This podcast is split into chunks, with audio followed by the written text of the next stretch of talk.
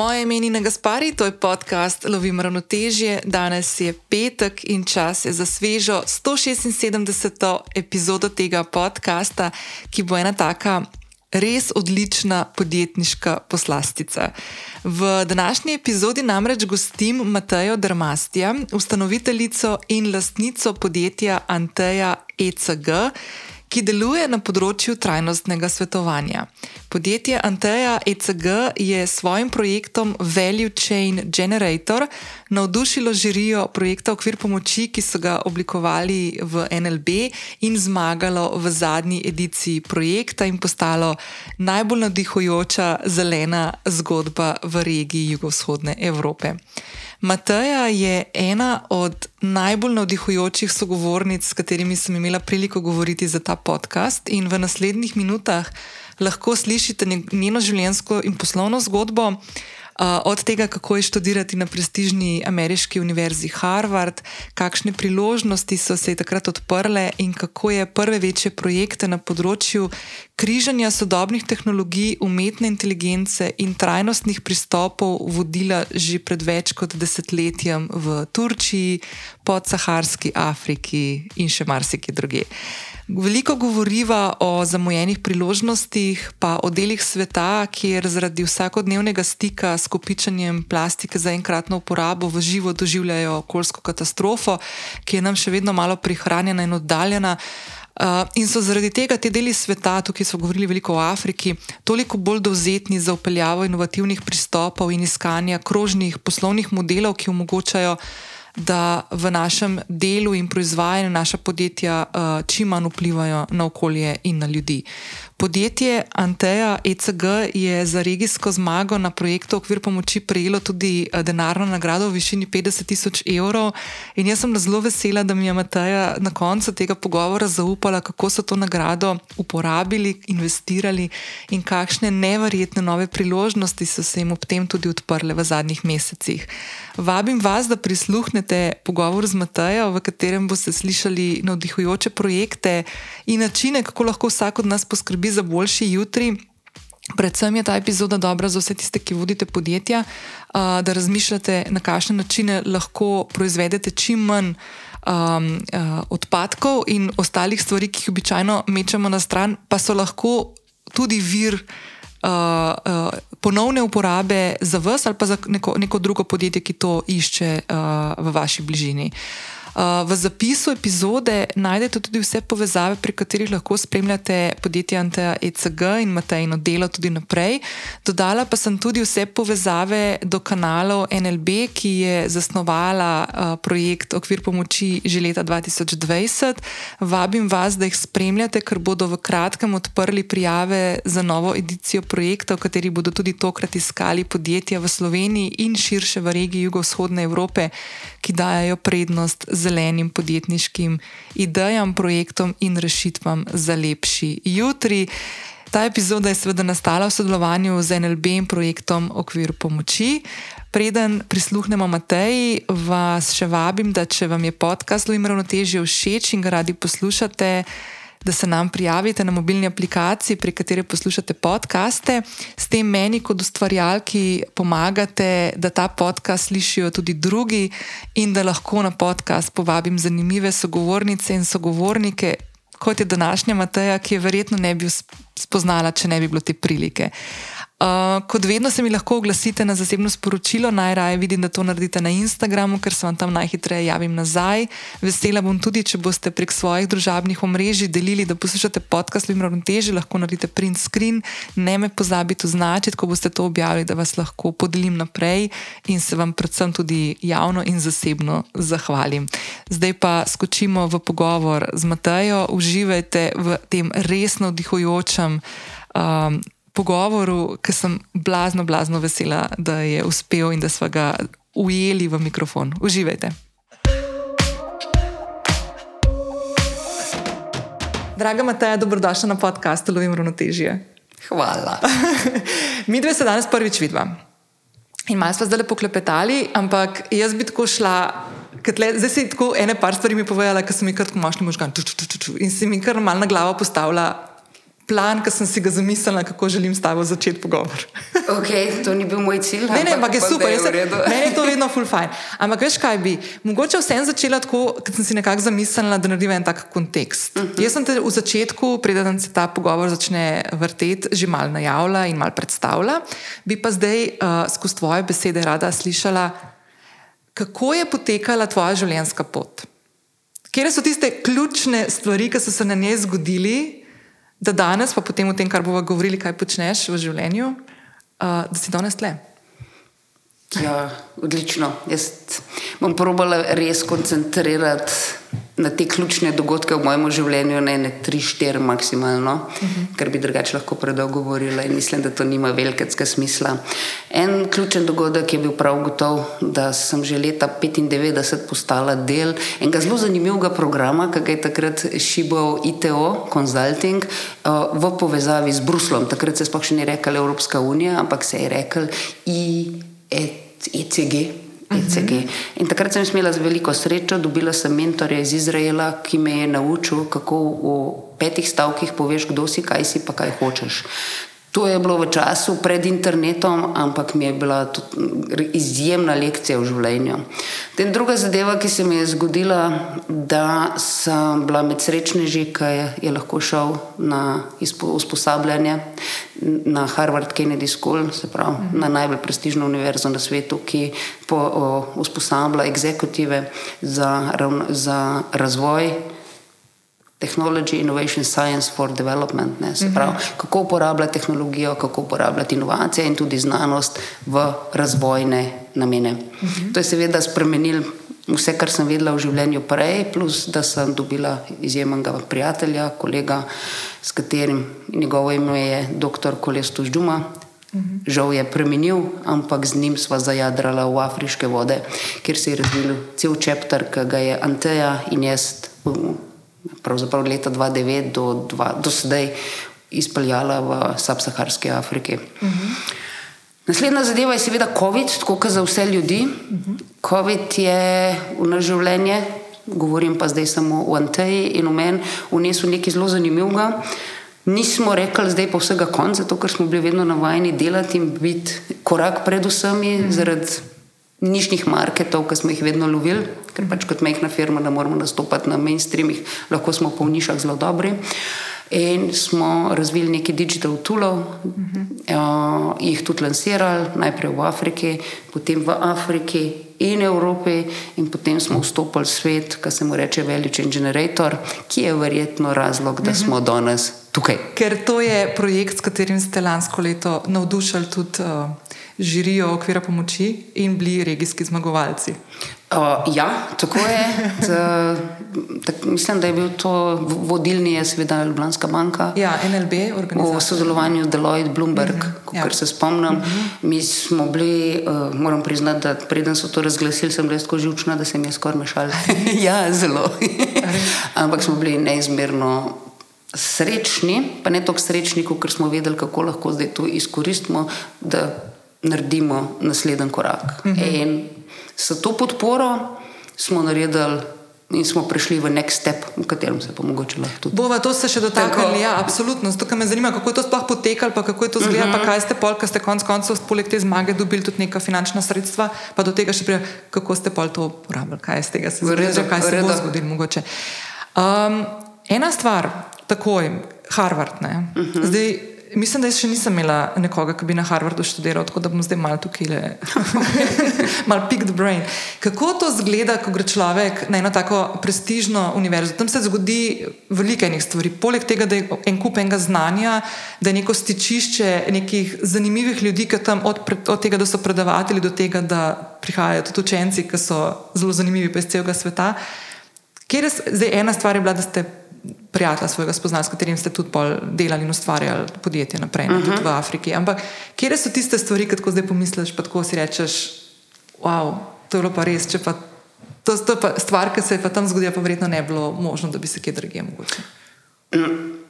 Zgodila se je lahko, seveda, absolutno samo tam, samo da popravim, ne, te študente so bili, kot jaz takrat stari, med 29 in 40 uh -huh. približno, zato ker to je bil executive program uh -huh. za razvoj inovacij, tehnologije in znanosti v razvoj. Uh -huh. In kaj je bilo drugačne? Tam so bili ljudje iz popolnoma celega sveta. Uh -huh. uh, večinoma, ne, nekaj jih je bilo iz Kanade, nekaj iz Amerike, potem zelo veliko iz Latinske Amerike, kar nekaj iz Afrike, pa izjemno malo iz Evrope. Iz Evrope sem bila jaz, pa mogoče še dva, en dan, pa en šved. Uh -huh. In ta različna mešanica ljudi, ki pa so imeli vsi eno poslanstvo, ne razumeti, kako inovacije, pa tehnologijo, pa znanost uporabljati v razvoj, je odprla, wow, mislim, neizmerno tudi komunikacijo med eh, udeleženci, eh, študenti. Vendar le meni je bilo to absolutno novo, izhajajoče iz Slovenije, iz bivše Jugoslavije, način podajanja snovi, ki ni način podajanja, ampak pač neka diskusija. Aha. To je bilo meni men top na svetu. In seveda bivanje v kampusu, ne, delo 24 ur, ne, je bilo to to vse totalno novo okay. in totalno top.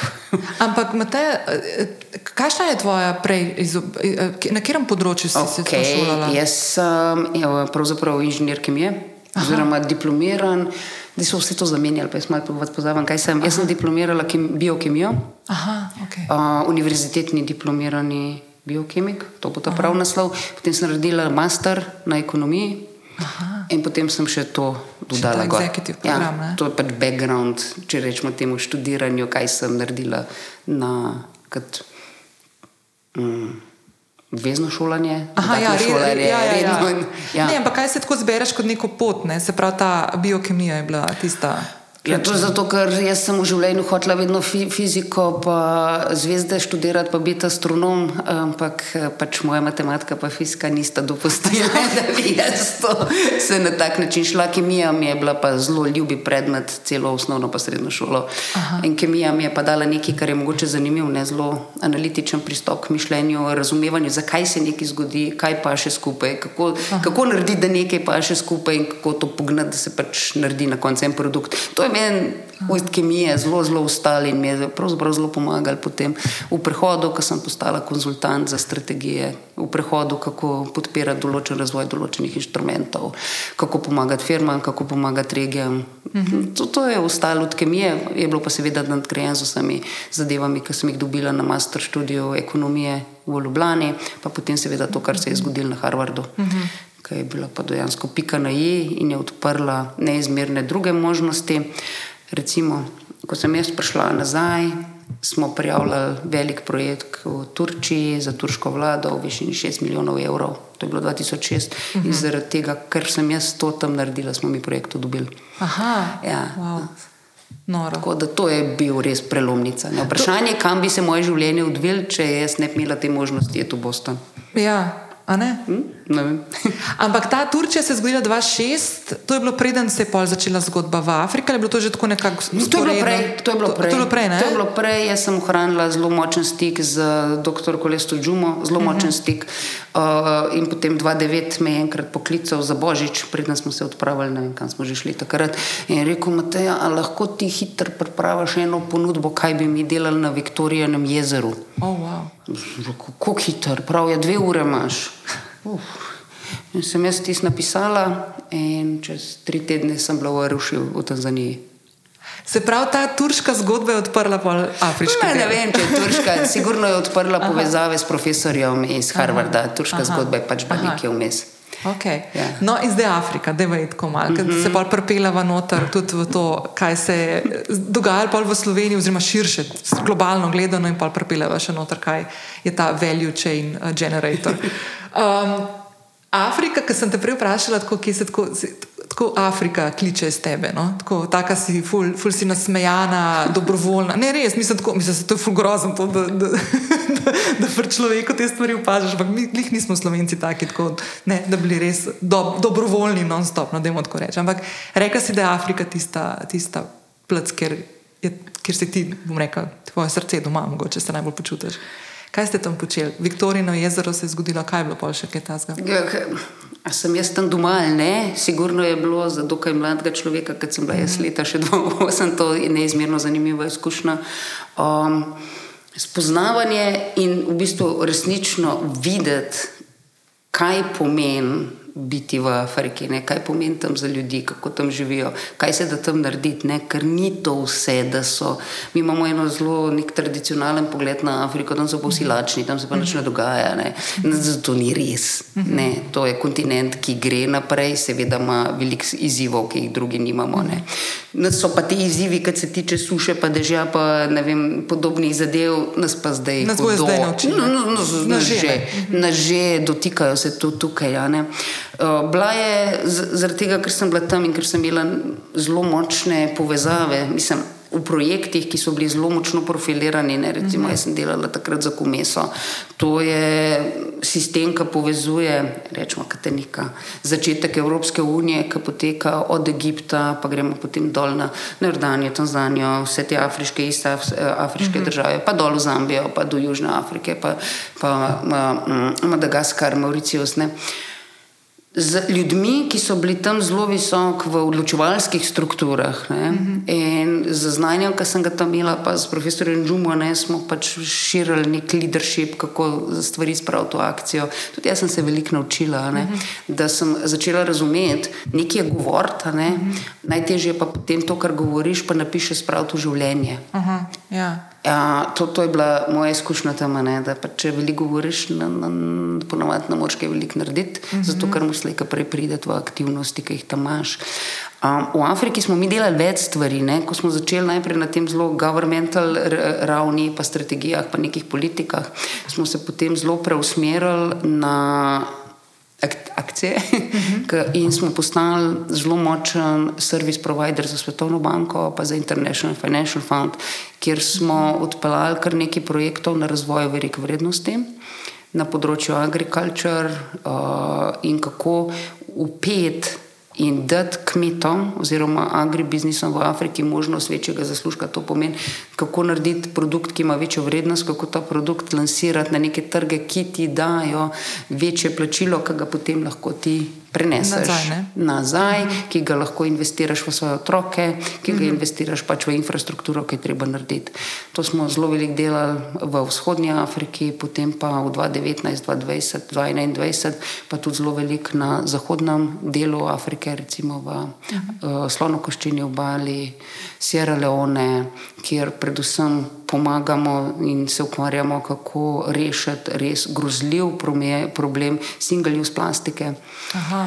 In kjer ti vidiš, da je plastika res problem. Ne? Tega uh -huh. v Evropi mi ne vidimo, zato ker jo nekam pospravimo, kaj se z njo zgodi, še vedno debatiramo, ne? pa imamo neke inštrumente, tam pa pač vse leži, se tudi nabere v, v, na plažah, se nabere v vodi, da ne moreš niti plavati, zato ker če greš 20 cm pod vodo, moraš uh, odmikati plastiko, ki je pod tabo. Ja, to, to se lahko -huh. en par slik pokažem. Uh -huh. To so zoprne zadeve, ki pa je zelo pomembno, da jih vidiš, da razumeš, da je to res problem uh -huh. in da lahko začneš iskati inštrumente in načine, kako vključiti privatni sektor, uh -huh. da se preobrazimo, da uporabljamo druge materiale, da uporabljamo druge načine in se izognemo tem enkratni uporabi plastike. Uh -huh. To, to kar vidiš, tam te strese do konca in kad te strese, potem začneš tudi razmišljati, kaj pa zdaj, od tukaj uh -huh. naprej z resničnimi aktivnostmi. Mm, to je zadeva, ki jo v Afriki smo potem mi še lansirali uh, dva digital tula. Eno se je rekel FitoApp, s katerim eh, smo pravzaprav tudi zmagali na tekmovanju, Oracle, tekmovanju kjer smo bili nagrajeni z uh, Agent for Change uh -huh. na Oraclu.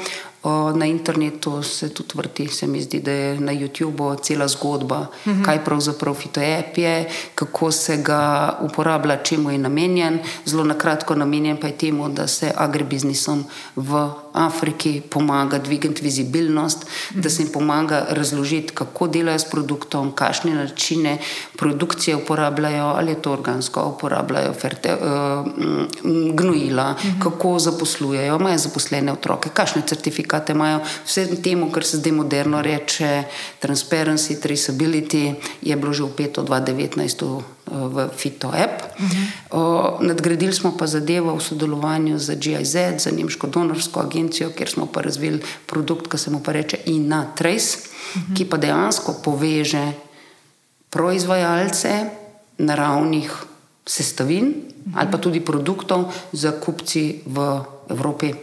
Ta Inatrace trenutno deluje na relaciji Afrika, Nemčija, Anglija, Latinska Amerika, Anglija, Nemčija, Francija. Kaj to pomeni točno? Se pravi, kako to kaj, kaj, kaj, v praksi nekdo, ki to uporablja? Okay. Pri Inatraceu uporabljata to kupec surovine, uh mhm. -huh. lahko je tudi recimo pražarna kave. Uh mhm. -huh. Za uporabo tula, pravzaprav cel svoj naročniški sistem spravi, pa do česa. To veliko jih mhm. dela. Ja. Začne se pa potem, kaj se dogaja na ravni kooperative, pa proizvajalcev v Latinski Ameriki ali pa v Afriki. Uh -huh. Tul omogoča sledljivost in totalen pogled, kaj se dogaja, ko gre kava, makadamija ali pa čaj, ko uh -huh. nekdo požanje to prinese v kooperativo, prevzame v kooperativi, se predela v kooperativi in gre potem naprej v proces oziroma v, eh, v uporabo v Evropi. Kaj zdaj to pomeni? Teče tok plačil, cen. Uh -huh. Veliko vemo to, ne? zdaj moramo pa mi fair trade plačevati, da vidimo, koliko bojo kmeti dobili. Vedno je vprašljivo, kaj res dobijo. Uh -huh. Se pravi, mi pravimo to zagotoviti, potem v pogled v kakovostne standarde, v, um, v kakovost samega produkta, v način pridelave, v način izkoriščanja delovne sile. Vsi ti zelo pomembni elementi, ki jih zdaj srečujemo, tudi in so zelo pomembni, je zaradi to reče slovensko, v, v tem supply chain due diligence sistemu, ki ga je Evropa zdaj sprejela, pa kooperativ due diligence sistemu, ki so uh mhm. -huh. zdaj postali zakon. Uh mhm. -huh. Ta tool omogoča, da firma v Evropi absolutno sledi. Komunicira in vidi, kaj se dogaja v nabavni verigi. Uh mhm. -huh. Dodatno na tem, kar pa je verjetno najbolj pomembno, Evropa je tudi sprejela zdaj regulativo, ki se ukvarja z deforestation. Se pravi, uh -huh. ne Pomembno je, kako mehan je plot, na katerem se pridela določena surovina, je potrebno dokazati, da to ni predmet. Uh, Ko je bolj slovensko deforestiranje? Um, raz, mislim, to v bistvu po domač sekanje gozdov, ali ni to? Ne? Ja, tako.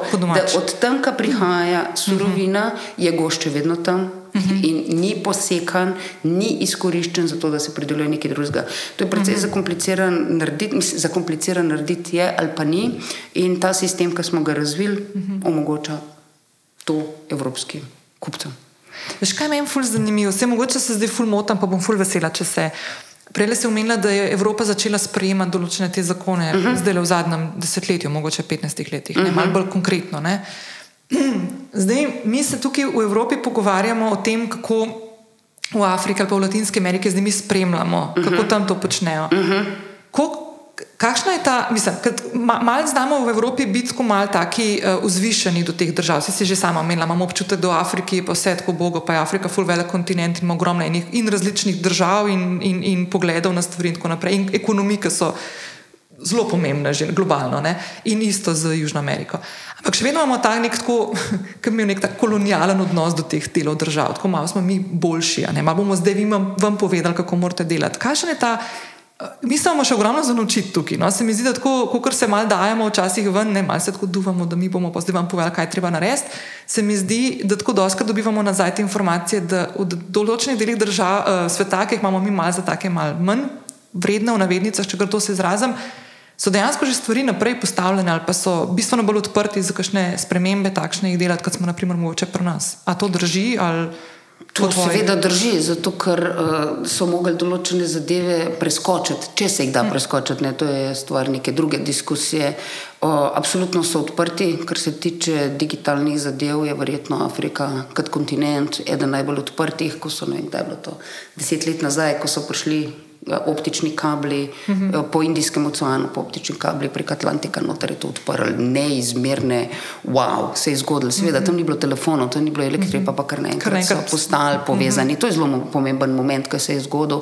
Ali smo mi vzvišeni, kako z njimi delamo? Jaz bi rekla za evropejce pravzaprav za večino je bolj, da se sploh ne vtikujemo z to, dokler ne greš tja, pa začneš tam delati. Na terenu, ne? Ne, se vedno tako, ne, se ni samo v Afriki, moš tja prideti, moš tam delati, moš tam ostati mečkaj več kot 14 dni, da začneš razumeti ne, in se tudi upeti v to. Jaz sem, mi smo bili tam kar nekaj let, šele potem začneš res razumeti, kako in kaj. Mhm. Uh, jaz mislim, da se da z afriškim gospodarstvom izjemno dobro sodelovati. Mhm. Slovenija ni večinoma del tega, saj mi nikoli nismo zasledili slovenskih podjetij, uh -huh. saj ne v Nairobiju, je v Addis Abebi, Kampali, Kigali, tam, kjer smo uh -huh. se gibali, niti ne v Ivory Coast ali pa Sierra Leone. Vse mogoče tudi niso to tako zanimive države, ampak kar se tiče pa Kenije, pa Ugande, pa mislim, da je kar nekaj slovenskih firm, ki bi imeli tam zelo veliko zadev. Ampak to je zanimivo, ker mi še leta, leta nazaj, ko smo bili še del Jugoslavije, so bile to naše, v navednicah, pobratene države, kjer smo videli kot Jugoslavija. Fulejnih stičnih točk, povezav in tega. Ne? Pa se je pa to kar mal. To je šlo, ne? seveda pač. Mm. Jaz sem bila takrat še premlada, ampak gledam nazaj. Usmerili smo se v druge stvari, usmerili smo se v Evrope, kar je bilo verjetno prava odločitev. Pozabili pa se, da zmoriš kot mehna država, zmoriš toliko več ne. -hmm. Ampak so, sigurno so tam uh, velike priložnosti, zelo težko, zelo težko. Mi smo vedno konkurirali, recimo, potem konkuriraš, pa tudi Nemcev ni veliko, ampak konkuriraš z Angliji, predvsem. Mm -hmm. Se pravi, da imajo oni imajo tam postavljene sisteme še, še odprej, še odprej jezik jim je zelo domačne. Mm -hmm. To je treba vedeti, ne? cela vzhodna Afrika govori angliško, mm -hmm. se pravi, da je zelo simpel. Yeah. Ja. Enostavno tam komunicirati, Zahodna Afrika je že francosko govoreča, ampak tudi mm -hmm. se da v angliščini in skozi prideti. Kar hočem reči, je, da, da imajo druge države dosti večjo sistemsko podporo, kako pravzaprav se. Kako ti je prideti, kako se tam obnašati, kaj tam narediti. Uh mhm. -huh. Ko sem jaz, ko je prišel COVID, ne, ko, ko je bilo treba zapustiti Nairobi, ne, uh mhm. -huh. in sam še en avion je odletel iz dana, uh, je seveda gospod Šter -hmm. hudo pomagal. Ne? Težko si pa predstavljam, če ne bi nemška ambasada odstopila, da bi jaz uh, prišla. V Ljubljano, je verjetno uh -huh. prišla pol avgusta. Ja, ja, ja. Ampak ta, ne, ta, ta po, tudi pomoč diplomatska manjka Sloveniji v podsaharski Afriki. Uh -huh. Mislim, uh -huh. da bi bilo lahko dosti več narejenega na tej temi. Uh -huh. Mogoče se zdaj smo imeli fulejnih teh, uh, da je zašla v čisto politiko, pustva. pustva. Ampak um, prej si omenila eno besedno zvezo, uh, ki jo bova zdaj še malo večkrat omenili, in to so uh, verige vrednosti. Uh -huh. A mi razložiš, kaj to točno pomeni? Ljudje bolj poznajo dobavne verige, uh -huh. potem pa obstaja tudi termin, ki je veriga vrednosti. Dobavna veriga več ali manj definira, kako gre material iz ene točke v drugo uh -huh. in kako pride do končnega produkta. Veriga vrednosti pa vključuje tudi druge horizontalne zadeve, kot so recimo storitve, kot so razvoj izdelka, ko vključuješ razvoj pa raziskave, ko vključuješ inovacije. V bistvu delati neko veliko razliko tukaj, jaz mislim, da najbolj primerno, vse v kontekstu, kar mi počnemo, je, da vidimo novo verigo vrednosti, ki nastaja uh -huh. na novo in ji rečemo veriga vrednosti, ker še ni dobavna veriga, ker uh -huh. se šele vzpostavlja. Dobavni verigi pa rečemo tisto, kar dejansko firma že uporablja za, svoj, za svojo nabavo. Uh -huh. Da smo zelo praktični, pa da nimamo da velikih filozofskih raziskav, uh, mislim, terminov uh -huh. za to. Mi delamo na novih verigah in v teh verigah probamo vzpostaviti, kdo so akteri, katere so firme, kako se noter povežejo, na kakšen način se povežejo, kaj potrebujemo poleg podjetij še v verigi, uh -huh. da mhm. lahko firme naredijo najboljši produkt in ga tudi najboljše plasirajo na trg. Uh mhm. -huh. To pomeni od inštitucij, ki ti delajo vem, meritve za CO2, od inštitucij, ki ti lahko naredijo podporne sisteme in tako naprej. Uh -huh. okay. Zdaj, počasi pridemo do veriga vrednosti. No, da smo si zelo jasni, veriga vrednosti vedno definira, koliko vrednosti se ustvari ja. v določeni točki procesa. Ja. Ker če se vrednost ne ustvari, pol, pol nekaj narobe, pa treba nekaj potvikati. Ne? Tako. Ja, tako. Ja, ja. Se pravi, naprimer, če gremo na tisti primer um, kavnega zrna v Latinski Ameriki uh mhm. -huh. ali pa v Afriki, mhm. odvisno, uh -huh. kje je kava kaj se iz tega, bom zdaj zelo banalizirala, verjetno, koliko je vrednost tega zrna na začetku in kako se potem na koncu, ne vem. Proda v coffee shopu v Amsterdamu ali pa v Ljubljani. Resnica je še vedno, da eh, v coffee shopu v Ljubljani ali pa v Amsterdamu plačamo pač 2, 3, 7 evrov za pač skodelico kave. Kmetje, verjetno v Afriki, še vedno nadobijo več kot pol evra. Uh -huh. Za kilo debate o tem, kaj je zdaj fair cena, pa ni fair cena, so mačkam dvomoralne, jaz mislim, tukaj. Uh -huh. sem pa prepričana, da bojo transparentni sistemi ne, dobavnih verig, ko bomo mm -hmm. videli, se, kaj se dogaja res v verigi, da lahko pripomorejo, da se pač tudi vrednost ustvarjena v verigi prerasporedi nekaj mm -hmm. drugače. Mm -hmm. Ker trenutno vsa vrednost ostaja večinoma v Evropi. Ja. Kako je tukaj uh, v zadnjem? Spet v obdobju, pa mogoče desetletju, smo tudi potrošniki postali bolj dovzetni, oziroma mogoče malo bolj spremljamo, kot smo kadarkoli prej, um, in to, da, da je transparentno ali pa pravična trgovina. Mislim, da smo bolj tako, da hočemo podpreti zgodbe, ki bodo na koncu dobile, ne vem, ali bo to zdaj ena skupnost v Afriki ali pa konec koncev v Sloveniji, vse en. Pač, da bo res prišel na koncu do tistih ljudi, ki so ustvarjali glavnino nekega izdelka, produkta, ki ga pač mi kupujemo radi. Ne. A je to se že, mislim, se to vidi v, na samem globalnem trgu, oziroma, oziroma, drugo vprašanje, mogoče bolj pomembno, kaj bi bilo dobro od vsakega od nas, da, da preverjamo, ko zbiramo neke izdelke, primerljive, mogoče na trgu, kot zbiramo kavo. Okay. Mogoče lahko se skličem na trenuten projekt, ki ga delamo v Mauritaniji, uh mhm. -huh. ki se ukvarja z Desert Date Oil. Verjetno še nikoli niste slišali za Desert Date Oil. To je okay. dateljno olje, ampak to niso tisti dateljni, ki jih pojemo, to so eni drugi dateljni, ki pa imajo eh, koščice, iz katerih se lahko iztisne zelo dobro olje. Okay. Pač to je zdaj spet ena nova naravna surovina, ne? od uh mhm. -huh. katere samo praktično nekaj se dogaja. Ne? In potem v teoriji bi rekel, da zdaj bom pa jaz to olje uporabo in ga bom prodal v Ameriki ali pa ga bom prodal v Evropi. Gor bom napisal ne, celo zgodbo, kdo to prideluje, kako to prideluje ne? in potem bom to prodal. Jaz pa dve stvari tukaj ne boš prodal. Prvič zato, ker bo neizmerno drago ne? in to stane potem ena taka mehna flaška zaradi vsega, kar je treba narediti, lahko tudi 10 ali pa več evrov. In ko imaš ti na policiji neko olje, ki ti bo naredilo lepo kožo ali pa obraz ali pa vse skupaj, ne? in ima zraven 2 evra, kaj boste kupili? Ja. Ja, večina bo kupila za 2 evra. Ja, ampak to je ja, ja. normalno, ja. Ne? To, je, to je zelo normalno. Diskusija seveda gre za to, jaz ne verjamem, da so potrošniki. -huh tisti, ki lahko sami preobrnejo vse skupaj. Ta trg je še vedno tako nišen teh potrošnikov, ne, da mi bi rabili absolutno nek večji zagon, podporo, da se to spremeni. Mhm. Sami potrošniki, ja, poznamo, vemo, da so izkoriščene, veliko stvari vemo. Znamo tudi, recimo, ste vprašali, kaj naj pogledam na izdelku. Seveda, tam vam bojo napisali, ne, pridelano v Afriki, pa ta gospa je to mhm. pridelala. Potem bo napisano, ali pa ribe so bile ulovljene tam, pa tam. Ne. Mhm. Potem je šlo to po neki verigi, je prišlo v Evropo. Kaj vam to pravzaprav, a vam kje to pomeni? Ja. Mislim, zelo odvisno, ja, ja, ja, ja, zelo odvisno, kakšno imaš. Ne. Konec koncev tudi se je življenjska situacija, pa vse stvari. Se strinjam. Ja. Poanta je samo v tem, da absolutno so to korake v pravo smer. Uh mhm. -huh. Da ne pomote, absolutno uh -huh. v to pravo smer. Vendar sem prepričana, da potrošniki sami ne, ne moremo tega preobrniti.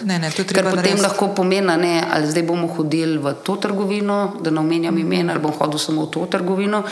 Mislim, na koncu je to prosti trg, uh mhm. -huh. kamor se potrošnik sam odloča, kam bo šel. Uh -huh. uh, mislim, da je hudo večja odgovornost na samih podjetjih. Uh -huh zdaj pa počasi prehajamo na to, kar počnemo. In tudi zeleni preobrat se ne bo zgodil izključno in samo, ali pa sploh zaradi potrošnikov, zgodil se bo, če se bo industrija dejansko spremenila. Uh mhm. -huh. In če bomo naredili skupaj napor, skupaj, kaj o tem govorim, sigurno regulativa pomaga, da se to začne uh mhm. -huh. dogajati. Ker vsaka firma pač smo profitno naravnani, delaš, da ustvarjaš dobiček, delaš, da, da zaposleni imajo dobre plače, da grejo lahko na dopust, da se imamo v redu vse to, kar se nam pa še ne. Da se pa res zgodi zeleni preboj, moramo pa narediti hudo zelo veliko in Evropa hudo zaostaja. In mene zelo skrbi.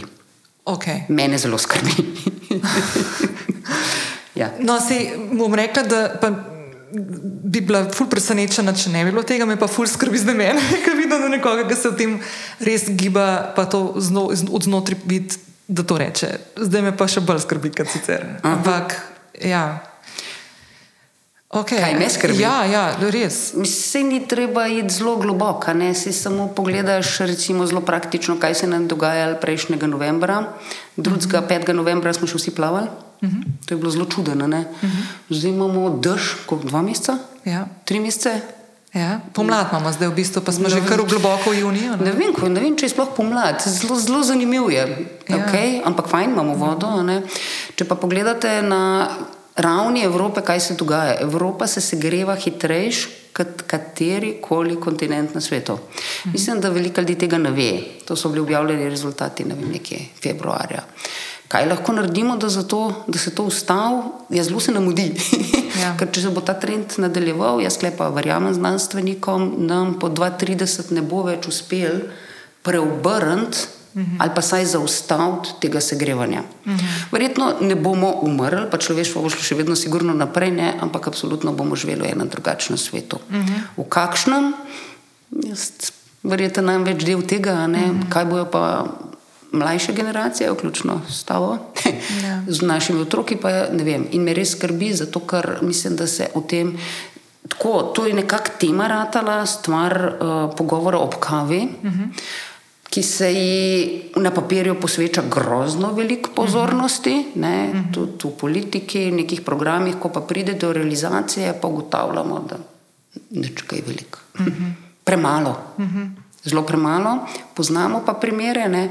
Uh, Evropa recimo, je sigurno še vedno vodilna na svetu, kar se tiče novih tehnologij za biote- bioekonomijo, za cirkularno ekonomijo, za klin, kakorkoli zelene mm -hmm. tehnologije. Sigurno smo še vedno v špici mm -hmm. sveta, imamo pa en velik problem. Vse te tehnologije, ki so se razvile z milijoni, bilijoni, ki smo jih investirali noter, ne, mm -hmm. ne grejo na trg. Mm -hmm. Kaj se nam dogaja? Prihajajo američani, prihajajo vem, Kitajci in veliko teh tehnologij, verjetno, se bo implementiralo izven Evrope. Uh -huh. Da ne grem, jaz nisem filozof, nisem politik, ampak saj lahko rečem, da je škoda. Uh -huh. ja, ja. Da je škoda, da se to zgodi, predvsem, ker ne bomo tega, ne bomo s tem vplivali pač na okolje, v katerem živimo tukaj. Uh -huh.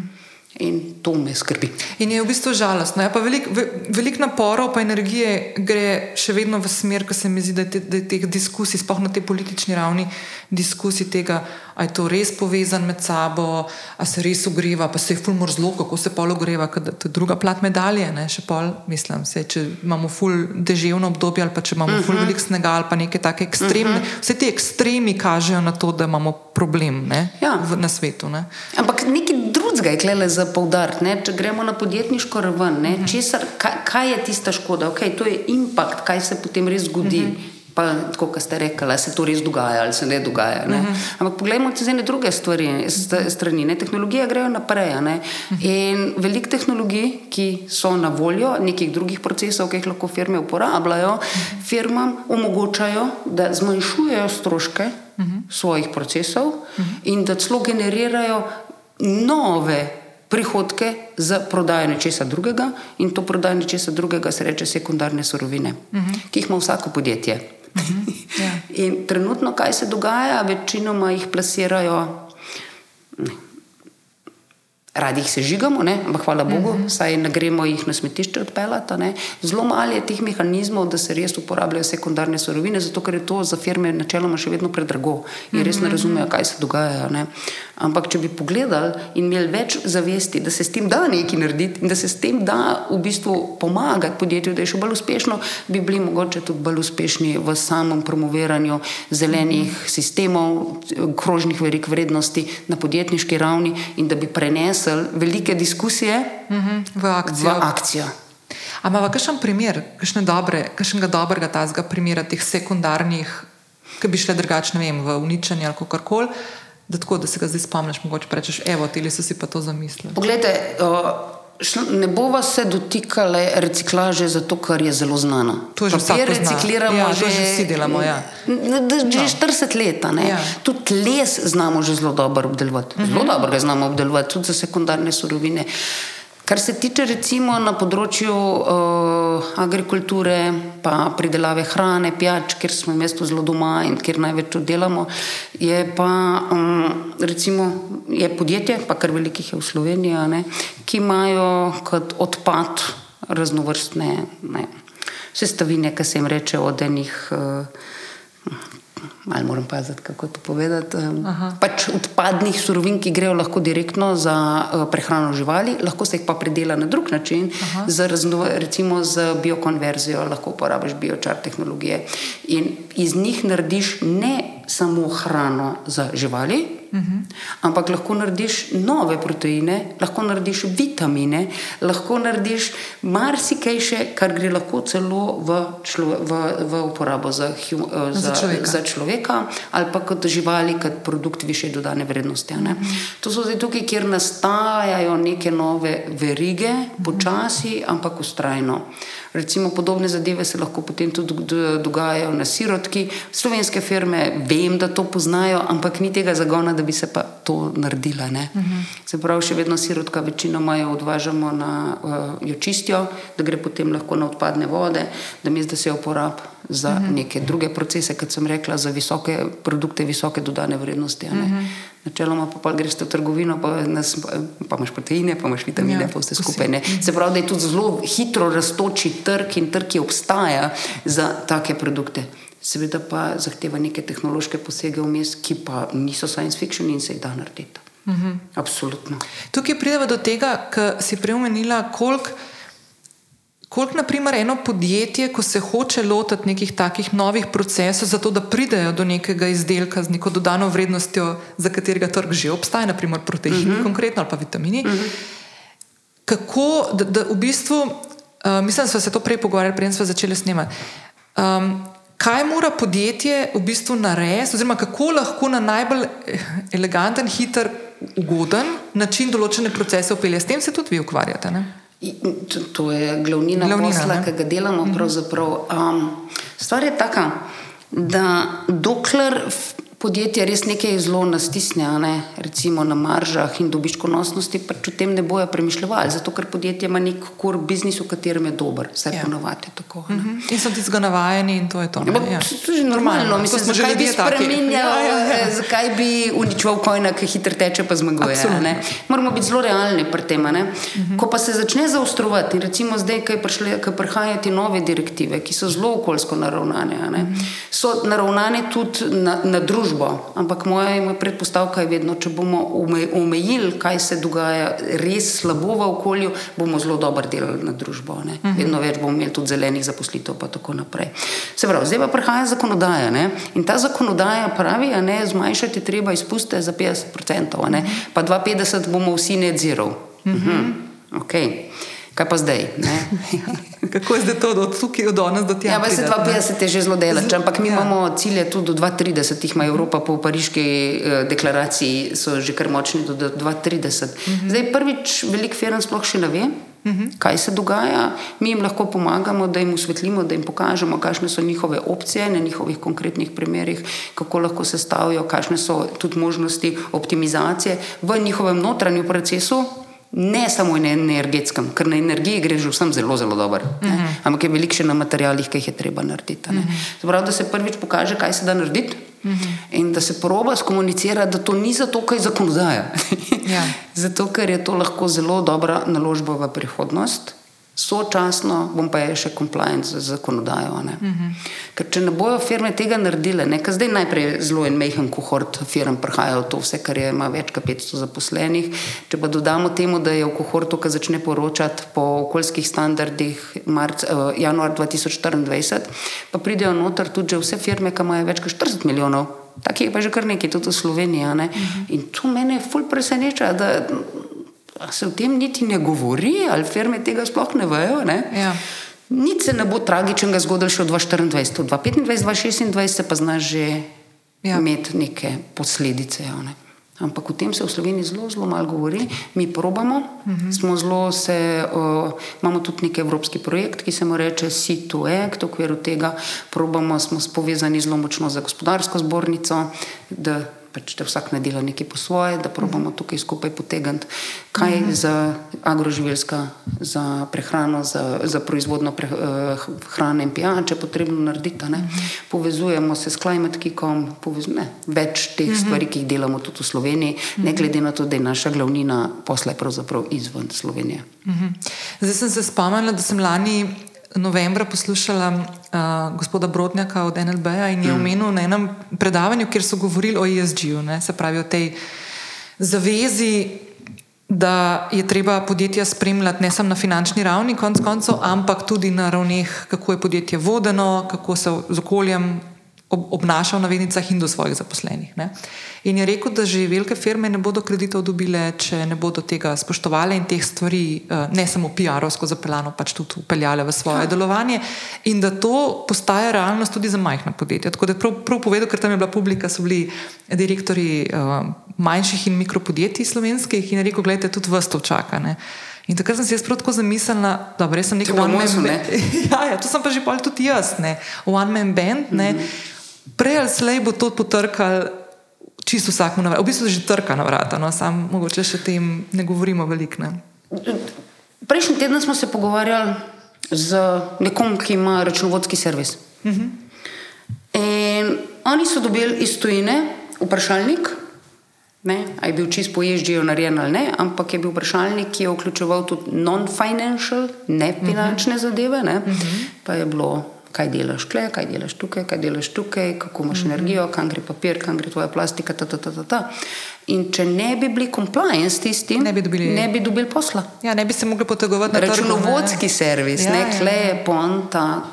In jaz sem prepričana, da kar se bo zgodilo, posebno podjetja v Sloveniji, ki delajo z nemškim trgom, uh -huh. Da tam verjetno so že pod udarom uh -huh. in razumejo, kaj narediti. Zato, ker imajo Nemci še svoj zakon, ki se mu reče supply chain due diligence, uh -huh. ki, ki jih je že prizadevni. Se pravi, da oni po verigi dol že, že zahtevajo, že zahtevajo uh, določene ukrepe. Uh -huh. uh, gospod Brodnak se mi zdi, da zelo dobro ve, kaj govori. Uh -huh. Predvsem tudi zato, ker finančne inštitucije so ta prve, ki so bile res zavezane k temu. Uh -huh. Finančne ja. inštitucije niso od včeraj, uh -huh. ko morajo poročati za ježdi to so bile te prve stvari, kar na mhm. globalni ravni so mhm. prišle noter, da, da morajo zagotoviti tok in tok zelenih kreditov, tok in tok zelenih investicij. Mhm. Sem pa zanč eh, prejšnji teden, mislim, da je bilo, tako le sem pogledala, uh, je gospod Brodnak tudi izjavil, da išče NLB z lupo zelene investicije v Sloveniji.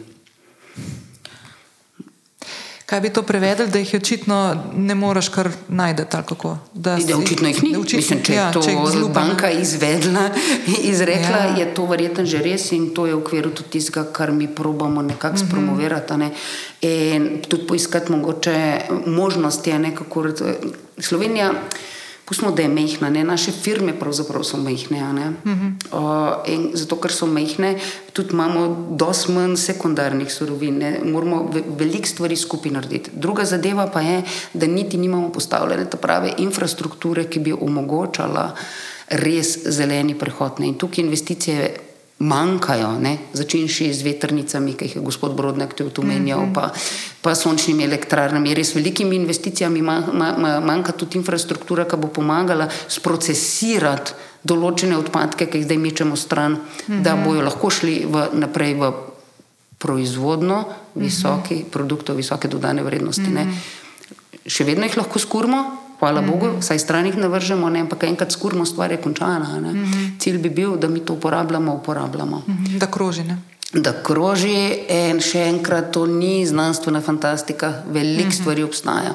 Samo skozi imamo ta občutek, ne, da je to še toliko časa, še toliko časa, da bo res delal. Mm -hmm. Ni res. Veliko stvari že obstaja, samo na trgu še niso, oziroma jih uh mhm. -huh. ne poznamo dovolj dobro, da bi se tega lotili, ne poznamo dovolj dobro sistemov, kako narediti neka partnerstva, ki investirajo. Uh mhm. -huh. Ampak mislim, da se tudi tukaj se, se premika, ne pa imamo Alfi, pa ne vem, pa skozi berem neke investicijske mhm. -huh. sklade. Hvala Bogu, da se je to začelo dogajati, nekaj so pripravljeni narediti partnerstva, da gremo v skupno investicijo. Ta investicija bo imela zelene impakte, to rabimo. Ja. Um, To si prej, ko si omenila, da z gospodarsko zbornico sodelujete, uh -huh. zato da delate skupaj določene stvari, se mi zdi tako fulgen, mislim, genialno. To res ni nič tazga, ampak mi mogoče malo nismo navajeni tudi na tak način sodelovati. Včasih imaš občutek, da nekdo nekaj dela, sosed nekaj dela, pa ta drug sosed pa bi se lahko povezala, pa kakšna stvar tudi skup naredila. Ne? In da koliko je pomemben to. No? Mi smo odkrili, ne, uh, v zadnjih treh letih odkrili. V zadnjih treh letih, ko smo začeli zelo močno uh, delati na teh digitalnih tulih, pa potem v zadnjem letu tudi s pomočjo uh, NLB-ja, ki ste me omenili, ne, uh, ker mi smo si zapisali v strategijo, v naš razvojni dokument leta 2021, da hočemo v Sloveniji kaj delati. Mi že osem let nismo enega evra v Sloveniji zaslužili. Rekel, zdaj pa mi to moramo. In potem smo rekli, okay, zdaj bomo pa videli, kaj lahko v Sloveniji naredimo. Mm. Pridobili smo nekaj razvojnih projektov in smo probali ugotoviti, kakšne podobne inicijative laufajo v Sloveniji. Grozen jih je veliko, velikih je zelo podobnih. Okej. Aha, Nekako probamo biti spodbujevalni člen, saj če nekdo pove, da dela nekaj podobnega, pomahamo, rečemo, mi pa lahko v tem delu, ki ga vi delate, naredimo tole. Mm -hmm. Nočemo narediti vsega. Vi imate to, mi imamo to, pa poglejmo, združiti kako bomo- sinergija, ne? Tle smo nekako vzeli taktiko, taktiko. Probamo noter priti s tistim, kar mi res lahko naredimo, ne da naredimo vse in da v tistem, kar naredimo, smo pa zelo dobri in pomagamo pač določeni iniciativi, da gre hitrejš naprej. Top. No, zdaj smo se dotaknili tega NLB-ja parkrat. Uh -huh. Deva, mogoče, pre, prej si omenila ene par platform oziroma teh digital toolsov, ki ste jih že naredili uh -huh. v preteklosti. Uh, pa lansko leto, ko ste zmagali na Oraclu, če kdo ne ve, Oracle je globalna, ogromna firma, ki uh -huh. dela na področju IT-ja uh -huh. um, in širše. Um, ampak pa ste pa razvili value chain generator, ki bom jaz tako rekel, pa, pa prosim, popravi me, ful, ful si yeah. Ja. že, da me popraviš. Ampak jaz, ko sem videla, s čim ste se prijavili na okvir pomoči in zmagali, uh, sta noter zapisani dve besedni zvezi, oziroma dve, dva topika, ki sta zdaj, po mojem, sploh zdaj pol leta kasneje, potem, ko se je zgodila ta zmaga in tako naprej. Se mi zdi, da smo že vsi za njih slišali, če ne prej. Trajnost itak poznamo, ne? trajnost poznamo, ne vem, če vsi vemo, kaj to pomeni, ampak ok, poznamo. Druga pa umetna inteligenca, ne? s katero se po mojem zdaj že vsi malo igramo, ko uporabljamo chat GPT. Zdaj pa ena stvar zanima. Kako to funkcionira, oziroma kaj ste razvili, kako to funkcionira, pa kakšne izzive imate na tem področju? Zdaj pa za prihodnje. Ja. Korenine Veličen generatorja v bistvu izhajajo iz enega projekta, v katerem smo mi sodelovali, uh -huh. ki se je izvajal 2018-2019. Ker smo mi zelo odprti, pa v COVID-u nismo čisto dobro vedeli, kaj počnemo, smo ugotovili, da mogoče pa tam nekaj bo. Aha. Okay. In potem smo ti potegnili naprej. Mislim, da smo eni redkih, če ne edini, ki smo potegnili idejo, ki jo je lansiral določen projekt uh -huh. in, smo jo, in jo peljemo na trg. Ne, to, Aha. to je bilo že revolucionarno. okay. Ker to, ve- to, to ni čisto jasno, ne? ker večinoma, kar se v Evropi dogaja, ne to delati. Aha, ok. Ne. Zakaj ne, ne vem. Ne. Mi imamo problem komercializacije novih tehnologij v Evropi. Aha, to, kar naprej. to, kar sva prej ja, omenili. ja, ja. Aha, to, okej. to zahteva še en podcast, ki Okej. ne bi v, tem. Okay. In kaj pa dela Veličen generator? Veličen generator ima tri zelo močne točke. Ima podatkovno bazo povezav na, mate, na materialih, uh -huh. ki, za katere vemo, da delajo. Se pravi, da smo sposobni, oziroma v databazi in z umetno inteligenco, zdefinirati, kako se lahko dve podjetji, tehnološki provider, povežejo v novo verigo vrednost, ki bo dala produkt visoke dodane vrednosti. Uh -huh. To vključuje podatkovno bazo tehnologij, vključuje podatkovno bazo modelov povezovanja za uh -huh. izkoriščanje sekundarnih surovin, uh -huh. pa tudi bio surovin. a ne. In potem za lepota vsega pa je, da če hočemo, dve zadevi lahko naredimo. Firmi pomagamo definirati, kakšni bi bili lahko uporabne vrednosti njihovih odpadnih surovin, mm -hmm. kako jih lahko pa- plasirajo, na kakšen način to narediti, kakšne tehnologije lahko uporabijo, pa s kom naj se povežejo. Mm -hmm. okay, se pravi, da imaš ti strukturo cele verige vrednosti, mm -hmm. plus da jim povemo, kakšen bo To za firme je vedno težava bila, ne, da razumejo, kje je. Mm, Ko se to reče, return of investment na, Ja, njihove, povratek, ja. na njihovo investicijo, uh -huh. kakšen je kapitalski vložek, koliko je operativnih stroškov in uh -huh. kako bo to laufalo. To jim pomagamo uh -huh. narediti. Lahko pa pomagamo na ravni regije, uh -huh. zato ker vemo, kako se stvari sestavljajo skupaj, ker imamo noter neizmerno količino dobrih praks in modelov, kako lahko recimo v Sloveniji, kaj bi bile najboljše investicije v krožne verige. Kakšno infrastrukturo rabimo, da bo lahko se največje možne število podjetij vključilo v zeleni preobrat. Okay. To naredimo. Na podlagi zelo inovativne, strukturirane baze, algoritmov, ki smo jih razvili, grem, smo zelo hitrejši. Ne? Zdaj pa zakaj moramo biti pa hitri? Ne? V Evropi je recimo 22 milijonov srednjih in mehkih podjetij. Kako jih bomo obdelali ena na ena? Ne, ne bomo. Ne bomo. Ne? Seveda, potem take rešitve prihajajo zelo v spredje, ker si lahko neizmerno hiter. Ne? Še vedno to pomeni, ne? ko pogledaš stvari, ko rečeš, tole je možno, tole je možno, tole je možno, tole je možno. Aha. Potem seveda se je treba vseti s podjetjem, to je investicija podjetja. In partnerja na drugi strani, kot to kupu, ne? da se pogleda in odloči, tole bi bilo pa primerno, da se naredi. Tukaj bi seveda potem stopijo noter tudi finančne inštitucije, ne? Zeleni krediti, zelene investicije. To dela value chain generator. Mi smo z value chain generatorjem, kaj pa so impakti? Vse investicije zelene, ki jih predlagamo, se pravi, kako naj bo ta veriga vrednosti sestavljena, imajo tri impakte. Pa začela bom s tistim, ki ga meni noče slišati. In reče se je profit. Ta druga je zniževanje CO2 emisij, uh -huh. da pomaga firmam zmanjšati CO2 emisije, saj s tem ciljem, ki je vizionarsko postavljen 2030, in pomaga zmanjšati količino odpada. Spet v cilju, da do 2030 moramo zmanjšati za 50%. ne. Se pravi, vse tri stvari so poklopljene. Okay. In to je potem zelo v skladu s tem, kar zahtevajo ESG standardi. a ne. Samo da, pro, da smo pr- probali pripeljati zadevo na tla, da firme lahko razumejo, da mi sami res razumemo, zakaj se gre. Ne. Ker smo zelo veliko časa tudi sami porabili, da smo bili sposobni povedati, kaj za Boga svet je treba narediti.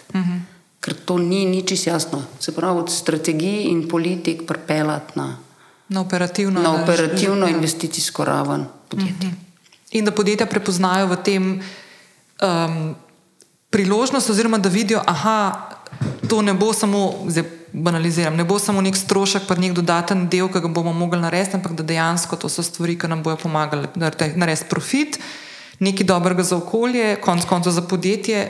Ne nekaj dobrega za okolje, Za zelo, zelo veliko za okolje. Ključno. Plus, seveda, biti potem v, v skladu z zakonodajo. Uh -huh. In, uh, ja, se pravi, iz tega, da vidimo, da je strošek pri upravljanju, ne, ker mi uporabljamo waste management, upravljanje z odpadki. Ne, to ni več upravljanje to z odpadki, to je upravljanje surovin. Upravljanje, ne vem, kakšni temu rečejo tudi karbona, ne, da, da, da ugljik ohranjamo v verigah.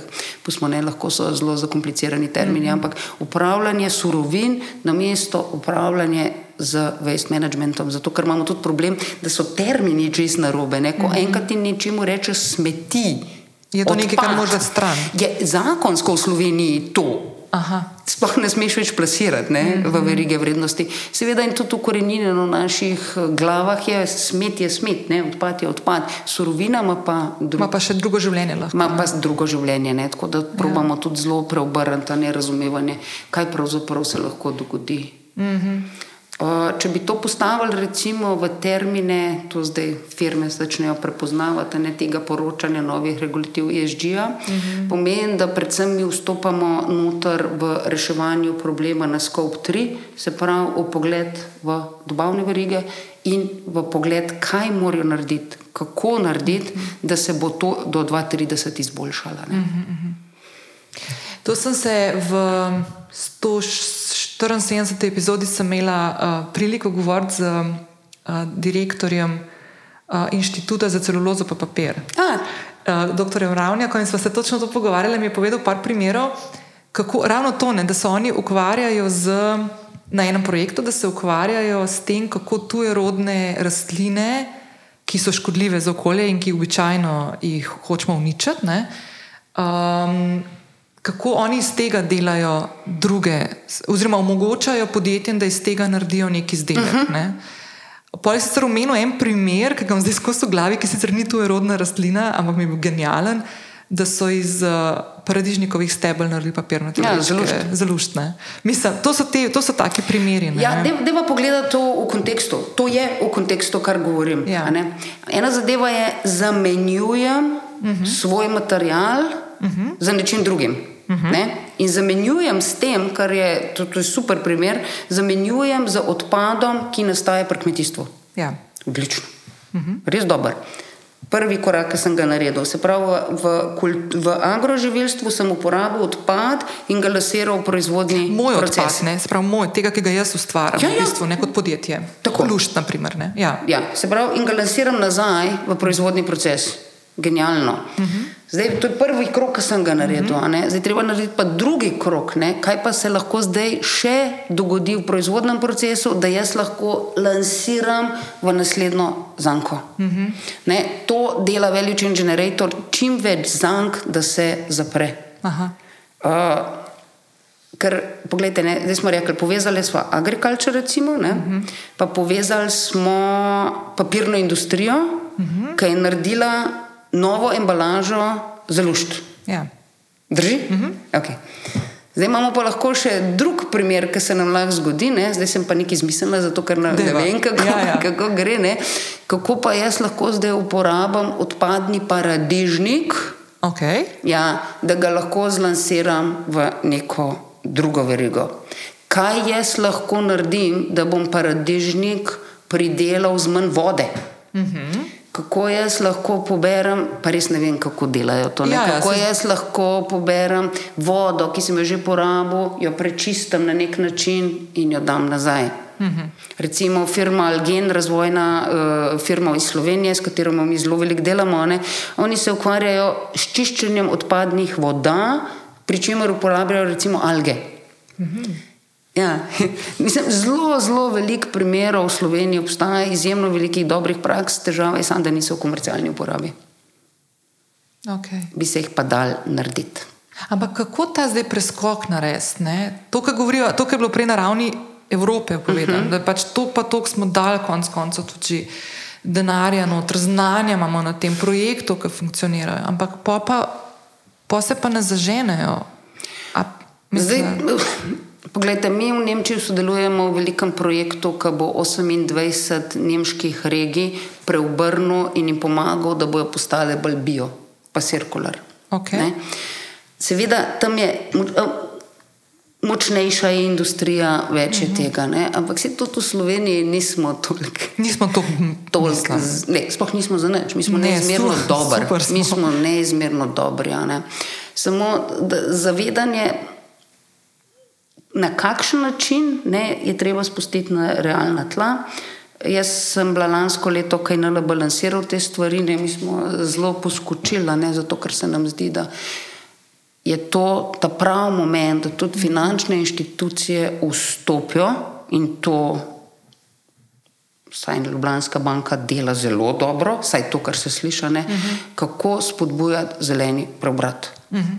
uh, ker trenutno, kar se dogaja, to smo tudi malo iz Evrope pro, pobrali, ne, vse, kar je vezano na te, rečemo, zelene strategije, zeleni preboji, pa tudi, če gremo na uporabo uh, vodika, vse to bolj zeleno, je zelo vezano na neka evropska sredstva in na neke projekte. okay. Zdaj mi lahko veliko teh evropskih projektov, pa hvala Bogu, da jih imamo, ne? ampak korak naprej, da bomo pa to industrializirali, pa definitivno komercializacija. Uh -huh. In klen nas zmanjkuje, ampak upajmo na boljš. Prej si mi omenila, da lani si opazila, da se išče novi Tesla na plakatih. Spravno, da genialno so naredili to kampanjo. Ja. Um, In ste se prijavili, ste še pogledali, ne, kaj je NLB pripravil. Jaz sem na full vesela, kot sem ti povedala, jaz že od 2020 sodelujem na tem projektu Okvir pomoči. In se mi zdi ena taka full lepa stvar, ki so jo naredili na NLB-ju, je to, da so, um, ko so ko so pripravili ta projekt, so se usmerili v težavo oziroma izziv, ki so ga takrat na trgu imela malo in mikropodjetja mm -hmm. v mhm. Sloveniji. In potem tudi regiji. In kasneje so zelo hitro prepoznali um, potrebo po tem, da se te trajnostne projekte, zelene rešitve, krožno gospodarsko, kar temu rečemo, da se jih spodbudi, da gredo iz tega, ne idejnega, vse so že stvari, ki funkcionirajo, ampak da se jih naredi komercialno bolj zanimive oziroma uporabne. Ne? In zdaj me zanima, kako je ta izkušnja izgledala. Od tega plakata pa prijave. Do pol celega tega postopka, zdaj le so bile en kup enih stvari, bilo pa Deloitte je bil vključen s svetovanjem, pa tako, verjetno to ste bili z mojco, ne, Markeziti. Mi nismo z njimi nič delali. Ja. mi, nismo, mi smo samo videli plakat, uh -huh. uh, pa preverili smo na banki, če zadeva, kot jo imamo mi, bi bila zanimiva. Ne, ker, uh -huh kot smehna firma, pa z novimi velikimi resursi, smo zelo previdni, kam vlagamo mhm. denar, pa časa, ne, ker smo se veliko zelo upekali. uh, in potem smo pač zadevo prijavili, in mm -hmm. potem nismo nič vedeli. Dokler ni prišel klic, ne vem, kdaj je bilo to, enkrat potem. Oktober, novembra, ne, je bilo že november, po moje, ko me je klicala naša bančnica. Sem jaz rekel, že spet smo vam padli. Pa je rekla, da ja, vidimo, da ste pa prišli v drugi krog, a sem rekel, v redu. Oh, wow. okay. Pa je pa rekla, uh, morate iti pa na Bloomberg, ne vem, potem so rekli, Aha, da se ja, ja. moram ja. tam nekje pojaviti, da bomo tam. Ne. In uh, mi smo. Tako ne, cel tim je čakal, ne, in sem šla tja. Ne. In potem smo pač zvedeli, da nam je uspel tam. Pa nam reka, veliki met, ampak res smo bili kaj bi bil pravi izraz? Niti ne ponosni, zadovoljni, bili smo zelo veseli, uh mhm. -huh. zato ker to je bila prva stvar, da nam je nekdo v Sloveniji rekel, da je pa dobro. Nikoli prej se nam še to ni zgodilo. Ne? Slovenska firma, ki je tukaj 25 let, nam še nikoli ne bi tako rekel. Pa pustimo, kaj je bilo pre, prejšnje leta, ne? ampak zelo veliko truda, ne? zelo veliko angažmaja, zelo veliko odrekanja in neprespanih ur, ta, ta, ta, by the book. Ne? In potem ti največja slovenska banka reče: Wow, res je bilo dobro. Tu dubaj smo uh, sponzorska sredstva, ampak nam je hudo več pomeni, da je nekdo prepoznal mm -hmm. in da nam je dal usmeritev, ta prava pot je to. -hmm. To je zelo pomembno ne? in to mogoče včasih se tudi, veš, kako zagnati, kakšno zadevo v Sloveniji. Je fajn povedati, je fajn spodbuditi ne? in reči, dober je. -hmm. Ne, gremo dalje po tej komercializacijski poti. To je bilo res fajn. -hmm. To je bilo res fajn. In dobili ste sredstva tudi, mislim, da je bilo 50 tisoč evrov. 50 tisoč smo kot prvi dobili. Ja. Ja. Kaj, kaj, kam, kam, to, je šlo? To, to je že šlo. Poglejte, uh, potem, ko, je, uh, ko smo dobili ta sponzorska sredstva, ne, smo seveda se nam je odprla ena mehna možnost, ne, mm -hmm. ker smo dobili nekaj denarja, da smo začeli izvajati eno vrsto aktivnosti, ki jih drugače ne bi mogli. Mm -hmm. Pa potem, kadar kdo reče, ja, se to so mehne stvari, ne, ampak gre ne, bolj da tu marketing, naredi to, mm -hmm. prijavce na ta grant, prijavce na to priložnost. Mm -hmm. Vse to smo pognali tudi v marketingu, pa iskanju priložnosti kaj se nam je zgodilo. Uh -huh. uh, prišli smo v, uh, najprej v ožji izbor in potem med šest.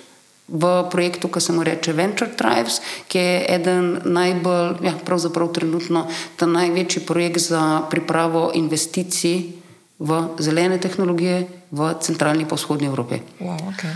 In pič je bil maja, in smo prišli noter. Aha. To je sigurno tudi s pomočjo, da smo lahko določene stvari izpeljali. Mhm. Potem smo uh, prijavili smo se še na nekaj drugih nagrad. Ne? Se pravi, ko dobiš ena taka sponzorska sredstva, dve zadeve so pomagati pri. Ne motivacijo, že prej, uh mhm. ampak da razumeš, da je to primerno in pametno. Feedback. Ne, Mislim, Mi samo že... slepi Ja, ja, ja. dobiš od zunaj, ej, na pravi poti ste, čeprav ste čutili, pa veste, kaj delate. Pa, Pomagali nam je, da smo lahko sfinancirali en vrsto aktivnosti, ki jih drugače ne bi mogli. Ne? Mm -hmm. Pomagali nam je, da uh, smo v končni fazi tudi pridobili nekaj čisenih drugih projektov in da smo začeli delati, kot smo rekli, na izboljšavi naše podatkovne baze pa algoritma. Pa da vas v Sloveniji malo bolj spoznamo, naprimer. Ker smo prej rekli, ne. Ano, da ne. ne, mislim, da si prej rekel, da toliko časa že delate tukaj, pa dejansko ja, niste, ja, niste smo, bili bolj osredotočeni tudi na tujino. Pa, še vedno smo, ne, zato ker ja. tudi rešitev pač iz zadevami, kaj delamo, ne moremo preživeti samo v Sloveniji. Ne bomo zrastali samo v Sloveniji, to je popolnoma jasno. Mhm. Ampak smo pa se povezali z kar nekimi firmami, pa inštitucijami, za katere prej nismo videli. Top. Je res fajn. Ali pa da nismo vedeli, nismo bili v stiku, uh -huh. napišemo to tako. Mislim. Ja. Ne, pa se je tudi dobro, da te inštitucije poznajo, da imajo take, take kadre tukaj. Le... Kar nam je še uspelo, tudi ja. s pomočjo tega, je, da smo lahko angažirali uh, tudi kar nekaj magistrskih študentov. Oh, okay. uh, večinoma iz tujine, žal. Mislim, žal. Mi ja. bi z veseljem vzeli še kakšne slovence, če bi se parjavali. Uh, tako da so lahko pisali in raziskovali zadeve za svoje master, uh, magistrske naloge Aha. na konkretnih primerih našega podjetja. Omogočilo nam je, da smo nadaljevali uh, cel kohort sodelovanja uh, s šestimi študenti, ki jih vsako leto dobimo iz Univerze SAD v Barceloni. Aha. Pomagali nam je, da smo navezali stike z tremi nemškimi univerzami, s katerimi upam, mislim kjer so se že začeli odvijati skupni projekti. Uh -huh. Nekaj gre v rekrutman kadra, nekaj ga uh -huh. potrebujemo, nekaj gre za nadaljevanje raziskav in podobne stvari. Tako da take stvari so zelo pomembne. Hvala, to, NLB. Ja, ful dobro, res. Prej si mi omenila, da imate zelo razgibano um, skupino, mislim, strukturo zaposlenih. Uh -huh. Da ima povej, pa tle v Ljubljani, te, ki so v Ljubljani, tudi ne, imate več lokacij. Ne? Ja, ja, ne, v Ljubljani, v, v Ljubljani imamo mi, v Ljubljani imamo mi zaposlene inženirje gozdarstva, uh, magistre turizma, okay. magis, uh, diplomante poslovnih ved oziroma ekonomije, uh mhm. -huh. pa tudi študente, okay. ki pač študirajo. Um, to so vsi, ki so pač doma v Ljubljani ali pa nekje okoli. Ne. Vendar naša ekipa je zelo pomembna, vključuje precej širši spektr mladih ljudi. Nekateri so v Bruslu, nekateri so v Parizu, nekateri so v Italiji iz zelo različnih backgroundov. Um, prihajajo iz Mehike, prihajajo iz Maroka, prihajajo iz Libanona. In uh, zdaj zaposluje iz uh, Indije in Indonezije. Um, brez da bi načrtovali, verjetno več kot polovica zaposlenih govori arabsko, vsi govorijo angliško, večina govori francosko in špansko, in seveda nemško. Tako da je to ena zelo dinamična skupina mladih ljudi. Zakaj mladih? Zato, ker sem jaz pripričana, da to je generacija, ki razume, da imamo problem. In s katerim bodo oni živeli bistveno dalj časa kot mi. Tako. Ja. Ne, to ne pomeni, da znajo vse, da razumejo mm -hmm. vse, ne, seveda potem rečemo, imamo mm -hmm. še izkušene.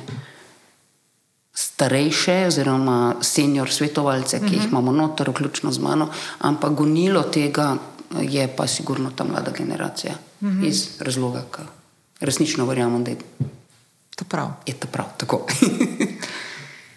A je še kakšna stvar, ki bi jo dodal? Jaz sem čisto impresionirana. Jaz, po mojem, še kdaj kakšno stvar posneli, ki bi ful, uh, ful me zanimalo, kako je voditi podjetje, ki imaš toliko različnih ljudi, pa toliko različnih lokacij, pa tako ful je še enih stvari, ki bi jih zdaj še vključvala. Um, um, Ja, pa to, to je čisto zanimivo. Ne? Več lokacij, pa še vedno majhna firma. Ne? Mi nismo ja. multinacionalke, ne? multinacionalke imajo to pač nekaj stvari. Ja. Mi delujemo iz uh, treh lokacij, trenutno štirih, pravzaprav Ljubljana, uh mhm. -huh. Študgard, Rijad postavljamo v Saudski Arabiji, uh -huh. uh, imamo še vedno v Nairobiju, čeprav je tisti mečkan zdaj uh, na, na stand-byu.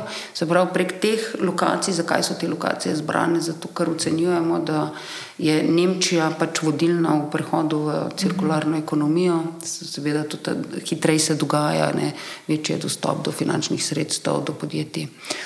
Saudska Arabija je definirala strategijo 2030, kjer je zelo jasno, so zapisali določene zadeve, ki so mhm. vezane na zeleni prehod.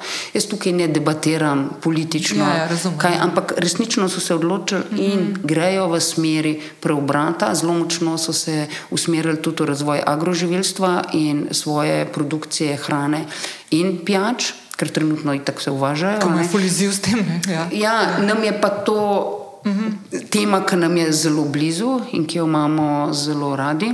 Kot zanimivost ne pa povem, da zakaj smo se pravzaprav, kako se nam je poklopili iti v Saudsko Arabijo, zato ker smo imeli pač interna, ki je istem. Aha, ja, in ja. smo nadaljevali potem. In se stvari zelo hitro dogajajo.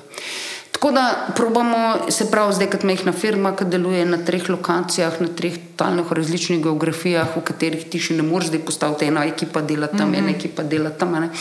Je, seveda je energetski izziv, uh, ampak mislim, da, ga da, da smo ga zaenkrat zelo dobro rešili. Uh -huh. Videli bomo pa zdaj, seveda, v naslednjem letu, kako na kakšen način bomo postavili, da bodo šle stvari strukturirano in uspešno naprej. Ne? To nas pa še čaka. To so izzivi za prihodnje.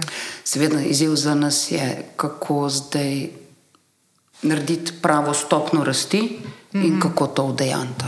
Uh mhm. -huh. To je izziv ki se bomo mogoče lahko drug let pogovarjali. Ker seveda velike zgodbe se lahko absolutno super končajo, lahko se pa tudi končajo v mhm. drugih vodah. Mateja, ful hvala. Ful hvala, hvala za pogovor, čestitke še enkrat. Pa zelo, zelo sem vesela, da smo se spoznali. Najlepša hvala, veliko veselje.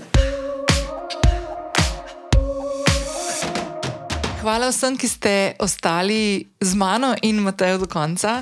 Jaz upam, da ste uživali v tem pogovoru. Tako kot sem rekel na začetku, meni se je zdelo tako um, neverjetno. Um, Doskrat se tako srečam s kakšnimi takimi posamezniki in posameznicami, o katerih dejansko tako v naši družbi niti ne vemo, niti ne slišimo. Tako kot Mateja povedala v, v epizodi, v pogovoru, da večino stvari delajo zunaj, čeprav imajo tukaj sedež v Ljubljani. In meni je prav včasih tako malo hudo, da za take eh, posameznice, posameznike ali pa, pa podjetja, konc koncev, kot v tem primeru, da ne slišimo. No? Bolj pogosto, ker se mi zdi, da bi bilo full fine videti okrog sebe take zgodbe. Mal, bolj na dnevni ravni in sem fulj vesela, da bo tudi uh, Mateja malo več z svojo, svojim podjetjem na tem področju zdaj delala, da bomo takih uh, zgodb in njihovih projektov in podobnih zgodb uh, slišali tudi v prihodnje. In v bistvu, zakaj to izpostavljam, je, ker ravno skozi projekt Okvir pomoči um, sem jaz imela priliko res. Res že govoriti s krasnimi uh, podjetnicami in podjetniki. Jaz se spomnim, ko so aprila 2020 me prvič kontaktirali, takrat je bila um, ideja projekta uh, v bistvu zelo fokusirana na takratno. Uh, Tisto prvo fazo, ko smo bili še vsi izgubljeni, pandemije COVID-a, in takrat se je NLB odločil za eno stvar. Za tisti, ki me spremljate že dalj časa, boste to se ful spomnili. Um, NLB je takrat naredil eno, eno zadevo v tem projektu in sicer, da so se odločili, združiti, v bistvu so združili dve moji največji strasti. Uh, prva je povezana z mojo kariero. Uh, jaz sem več kot skoraj, no, skoraj 20 let delala na področju odnosov z mediji, uh, sodelovala z uredniki, novinarji, novinarkami, uh, medijskimi hišami, ful sem jih poznala uh, in blazno težko mi je bilo spremljati že pred COVID-om, tudi, tudi prej, kako, um, kako v bistvu s kakšnimi izzivi in težavami se, se vsakodnevno eh, soočajo, ko jim pada bralstvo, poslušalstvo, gledalstvo in tako naprej. Um, in ena od prvih stvari, ki se je zgodila, ko se je začela pandemija, je, da so podjetja uh, ustavila oglaševanje, ne? da so ustavila um, načrte, ki so, imele, uh, ki so jih imela za tisto leto, za leto 2020. V zakupu glasnih prostorov. Ne? In s tem so seveda prizadeli medije, ki so bili že tako um, na tanki meji. Uh, Uh, in NLB je tukaj naredil projekt okvir pomoči, kjer so se odločili, da ne bodo uh, iz medijev umaknili um, zakupa oglasnega prostora, ki so ga medijem obljubili za leto 2020, ampak da bodo ta prostor namesto za svoje sporočila namenili za male in mikropodjetniške zgodbe, ki so bile takrat v bistvu tudi ene od prvih žrtev največjih no, uh, pandemije. Ne.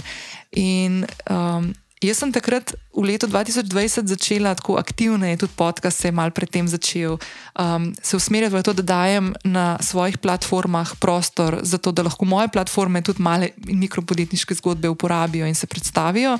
In se mi je to takrat ful pomembno, sploh potem, ko se je tudi COVID začel, je to samo še eskaliralo in bilo še bolj postavljeno v spredje.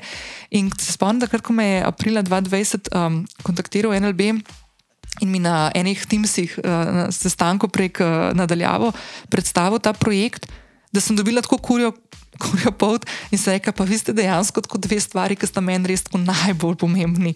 Združili v en projekt, in absolutno sem z veseljem zraven. In tako se je začelo naše sodelovanje, ki je zdaj v tretjem letu eh, okvira pomoči, oziroma zdaj teče že četrto, šlo potem iz tega pomoči in usmerjene pozornosti na male in mikropodjetniške zgodbe, ki so bile uh, pod vplivom uh, pandemije COVID, so šli v trajnost. Uh, in to je bila zdaj prva, um, prva edicija uh, zelenega okvira pomoči, ki se nadaljuje tudi zdaj v letošnjem letu. Tako da res spremljate NLB, če imate podjetje, če se s tem ukvarjate.